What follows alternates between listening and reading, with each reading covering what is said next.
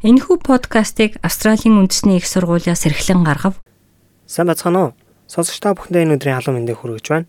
SBS радиоос хүргэдэг Монгол нэвтрүүлгийн маань ээлжид дугаар хүрэхэд бэлэн болжээ. Хэрвээ та ажлын байран дээр бэлгийн дарамтанд өртсөн бол хаана хандаж тусламж авах тухай мэдэх үү? Ажлын байран дээр бэлгийн дарамт байх тохиолдлууд Австрали улсад гарсаар байна. Харин та өөрийнхөө эрхийг хамгаалж болох олон аргууд байдаг. Австралийн хүний эрхийн комиссийн сүүлийн үеийн судалгаагаар сүүлийн 5 жилд 3 ажилтны тутмын нэг нь ажлын байран дахь бэлгийн дарамтанд өртсөн гэсэн судалгаа гарчээ. Тэгвэл ажлын байран дээрх бэлгийн дарамт нь хууль бус бөгөөд төвчж болохгүй хүний эрхийн зөрчил юм а. Бэлгийн дарамт гэж юу вэ?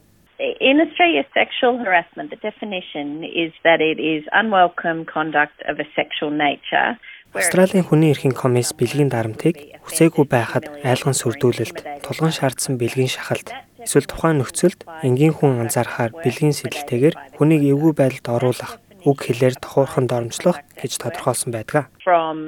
Sexual jokes, comments, uh, requests for uh, dates, intrusive questions about a person's private life, sexually explicit emails and texts Энэ маш олон хэлбэрээр илэрдэг бөгөөд тухайлбал бэлгийн холбогдолтой тоглоом тохуу хийх, эвгүй харах, хүсээгүй байхад болзоон дүүрэх, бэлгийн харьцаанд орох хүсэлт тавих, хит их хувийн амьдралын талаар асуух, бэлгийн сэдэлтэйгээр үг хэлээр доромжлох, хүсээгүй байхад хүрэх, бэлгийн сэдэлтэй имэйл эсвэл мессеж явуулах багтдаг байна. Ажлын байран дахь бэлгийн дарамтанд хинч хохирож болж болох ч гэсэн Австралийн хүний эрхийн комиссийн үндэсний судалгаагаар залуу эмэгтэйчүүд илүү өртөмтгий байдаг нь харагдсан. In 2018, the Australian Human Rights Commission conducted its regular national survey on workplace sexual harassment, and it found that one in three Australian workers had experienced sexual harassment in the last Сүүлийн 5 жилд судалгаанд оролцсон эмэгтэйчүүдээс 39% нь, эрэгтэйчүүдээс 26% нь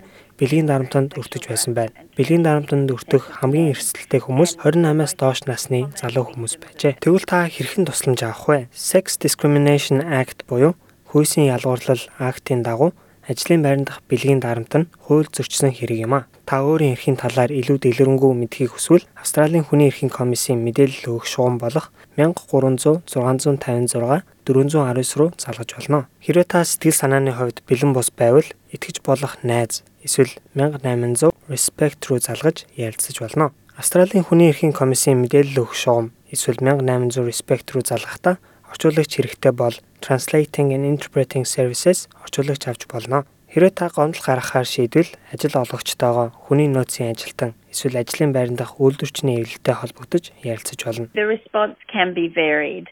some um, employers will take the complaint seriously and investigate it and take action. Others are less Хариу арга хэмжээ ямар ч байж болно. Зарим ажил олгогч нар гомдлыг ноцтойгоор хүлээн авч судлан тэр доор нь арга хэмжээ авдаг. Харин зарим нь энэ тал дээр мэдээлэл багтаа байдаг тул хүний эрхийн комисстой холбогдож юу хийх талаар тусламж авдаг. Ийхүү хүйсийн ялгуурлал комиссийн төлөөлөгч Кейт Jenkins хэлж байсан юм. Хэрвээ таны ажил олгогч тодорхой арга хэмжээ аваагүй байгаа тохиолдолд та өөрийн эрхээ хамгаалахын тулд Австралийн хүний эрхийн комиссд хандаж болно. Ингэснээр эвлэрэх, үр дүнд хүрэх, эсвэл шүүгээр шийдвэрлэгч арга хэмжээ авч болно. Ideally when you go to your employer the employer will take the complaint seriously, make sure that you are not um, subjected to any detriment from bringing it forward and see what they can do to sort it out, which quite often Хамгийн зохистой арга хэмжээ нь хэрвээ та ажил олгогчтой энэ талаар хандхад ажил олгогчтой нь асуудлыг ноцтойгоор хүлээн авч таны гомдол танд ямар нэгэн сөрөг нөлөө болохгүйгээр асуудлыг шийддэг. Энэ нь ихэвчлэн тухайн хүмүүстэй ярилцсан гомдлыг цааш үргэлжлүүлэх үү эсвэл компани дотроо асуудлыг шийдэх үү гэдгийг шийддэг хэмээн Кейт Jenkins хэлж байлаа. Та ажлын байран дээрх бэлгийн дарамт ямар зохицуулттай байдаг эсвэл өөрийн эрхийн талаар мэдээлэл авахыг хүсвэл Австралийн хүний эрхийн комиссийн болон Fair Work Ombudsman вебсайтаар орон аваарай. Олон орны хэл дээрч уг мэдээллийг авах боломжтой байдаг шүү. Дараагийнхаа дугаараар та бүхэнтэйгээ тун удахгүй уулзцаая.